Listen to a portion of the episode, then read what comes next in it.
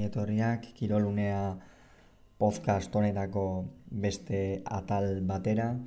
Gaurko honetan albistegia emateaz gain, kirol albisteak emateaz gain, berriozaren jokatu den jaialdiaren bi partiden inguruko analisia egingo du, alde batetik goratuko du alberdik eta uriondok zubizarreta eta erasunen aurka jokatu dutela, zubizarreta eta eskiroz da bikote titularra, baina makirria indarrak gerriko ebakuntza tarteko gaurkoan ezin izan du jokatu eta bestaldetik berriz jakak eta Mari Ezkurrenak peina eta albisuren aurka jokatu dute, beraz, besterik gabe guazen albisteekin izan ere Baskoniak galdu egin dut zesekaren aurka, iruro eta malau eta laro, Errusiako taldeak lehen laurdenean oinarritu bere garaipena, amabos puntuko aldea lortuta, zortzi eta hogeita iru, gazteiztarrak lau garaipenekin daude, amaika jardun aldiren ostean. Eta guazen Euroligako gainontzeko emaitzak esatera izan ere, Bayerrek laro gita bat eta iruro gita emezortzi irabazio panatineiko zi, Real Madridek iruro gita emeretzi eta iruro gita zazpi irabazizion barkatu e, izar gorriari, Unixek laro gehieta bost eta iruro gehieta meika Alba Berlini, Anadolu Efesai laro gehieta mezortzi eta iruro gehieta mazazpi monakori, Zenitek iruro gehieta malau eta iruro gehieta mar Olimpia Milan hori, Zalgirisek laro gehieta sei eta iruro gehieta maos Fenerbatxeri, Olimpiako sek laro gehieta mar eta iruro gehieta Makabiri, Baskoniak eta Zesekak esan bezala iruro gehieta malau eta laro egin zuten, eta Bartzelonak etxetik kanpo irabazi egin zion Lion Bileu bani iruro eta laurogei honen bestez sailkapena horrela geratuko litzateke Barcelona izango litzateke lehen Real Madrid aurrera duta bederatze garaipenekin Pablo Lasorenek ere garaipen berdinak dituzte Olimpia Milano eta Zenitek zortzina garaipen Olimpiako seketa Makabik zazpina Unixek Lyon Bileubanek eta Zesekak seina Anadolu Efesek Monako eta Bayerrek bosna eta hemen jada zuloan Izargorriak eta Baskoniak launa, Fenerbatxek eta Alba Berlinek iruna, Panatineikosek eta Zalgirisek bina bestalde, esan behar dugu, aletikek futbolean ezinean ibili dela azken sailkatuaren zelaian, partidak askara jokatu dute zuri horriek eta usna berdin dute levanteren aurka, beste bain jokoa sortzeko argitasuna falta izan zaio Marcelino García Toralen, taldeari eta NBAri ere tartetxoa egin behar diogu. Izan ere atzo jokatutako partidak jetek eunda amabi Wizardsek laro eta mazazpi Cavaliersek laro eta beratzi Warriorsek eun eta lau Timberwolvesek eunda amabost Spursek laro eta mar Grizzliesek eunda hogei Clippersek eunda zortzi Nagetxe laro eta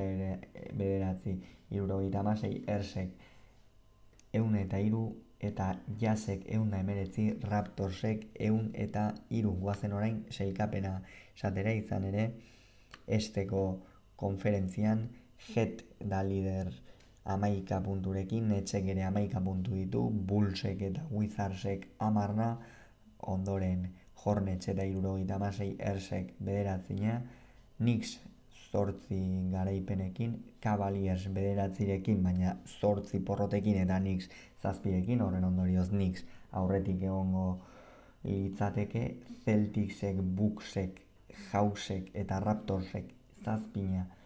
garaipen dituzte, Packersek sei eta Pistonsek eta Magicek launa.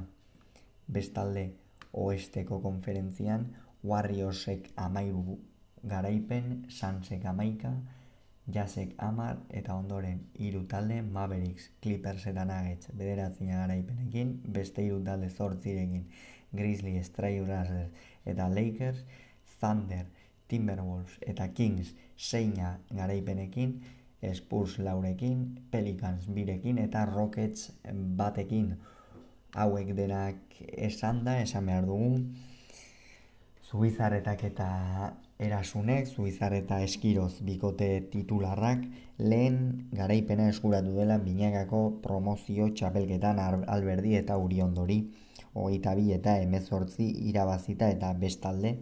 peinak eta albizuk irabazi egin dietela jaka eta mari ezkurrenari hogeita bi eta amabost berriozarko jaialdian honen bestez az gaitezen berriozarko jaialdiko bi partidauen analisia egiten. Lehen partida oso gorra izan da, hasieratikan hasieran behinik behin alberdiri eta guri ondori nahiko alde jarri zaie beste abiadura bat sartzen zioten pilotari. Uri ondo oso jotzaile baina erasun ere eusle eta erasun badakigu ez dela kolpe zautxiko duen pilotari bat baina lana gogor egin ohi du. Eta horrek askotan fruituak dakartza eta gaurkoan ekarri dizkio fruituak bikote urdinari izan ere azkenerako hogeita bi eta hemezortzi irabazi dute gora berandiko partida izan da esan bezala hasieran nahiko alde polita hartu dute alberdik eta huri ondo, gainera jokoan nagusi ziren, baina ondoren alberdik pilota galdu du eta hortik aurrera huri ondo ere konfidantza gutxia horrekin ikusi dugu aldiz erasun oso seguru bere buruarengan eta zubizar eta ba, tentuz, tentuz jokatzen batez ere eta ondoren gainera asmatu duenean eta huri ondoren akats batzuk tarteko ba azkenerako irabazi egin dute. Esan hendik aurri ondoren amabigarren tantutik aurrerako partida benetan kezkatzeko modukoa izan da, pilota asko lurrera joan zaizkio etzebilen gozatzen eta horren ondorioz garaipenak ies egin die alde edo errenta polit bat zeukatenean aurretik, baina zubizaretak asmatu du, erasun ere seguru ibili da, eta horrek azkenean fruituak ekarri dizki, eta bestalde beste norgeiagokan, ba, izen bat eta bakar azpimarratu beharra dago, Jolander Peña, asteburu honetan ikuste bera izango dela pilotari honena bihar edo ez dakit mila horrorik edo espada behinik behin, baina ikeragarrizko partida egin du hasiera hasieratik asko asmatzen, ongi jokatzen, abiadura sartzen pilotari, eta aldiz txamponaren beste aurpegia Jon Mari Ezkurrena izan da, partida osoan zehar oso deseroso ikusi dugu, pilota asko lurera joan zeizkio, gora, peinari ere aukera gehiagi eman dizkio, eta pentsatzen genuen beste maila bat espero genuen gaur Mari Ezkurrenaren gandik, baina ezin izan du partida ona burutu berriozarko pilotariak eta horren ondorioz ba garaipenak ies egin die. Jakak bi aurpegi izan ditu. Bigarrenarekin geratzezkerotan etorkizunean kontu handi zartzeko bikotea da. Orainik enen oski hau hasi besterik ez da egin baina etorkizunean kontuan hartzeko bigotea izan daiteke jakak batez ere egindako bigarren zatiarekin. Izan ere berak ureztatu bikotea berak mantendu sokari helduta bikotea partidan partidan sartuta egoteko. Eta orokorrean bigarren zati txukuna egin du oso errematatzaile ibili da errematetan asmatuaz baina lehenengo zatian asko kostatu zaio jokoan sartzea ia da albizu erabat bizkar eragusten ari zitzaiola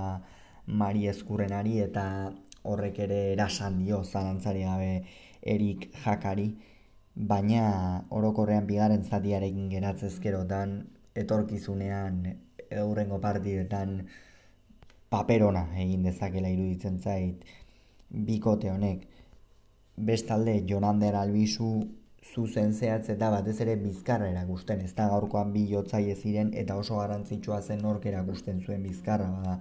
Maria Ezkurrenaren partida eskas baten ondoren albizune oro bizkarra erakusten ibili da, partidu oso serioa jokatu du ataundarra goi mailakoa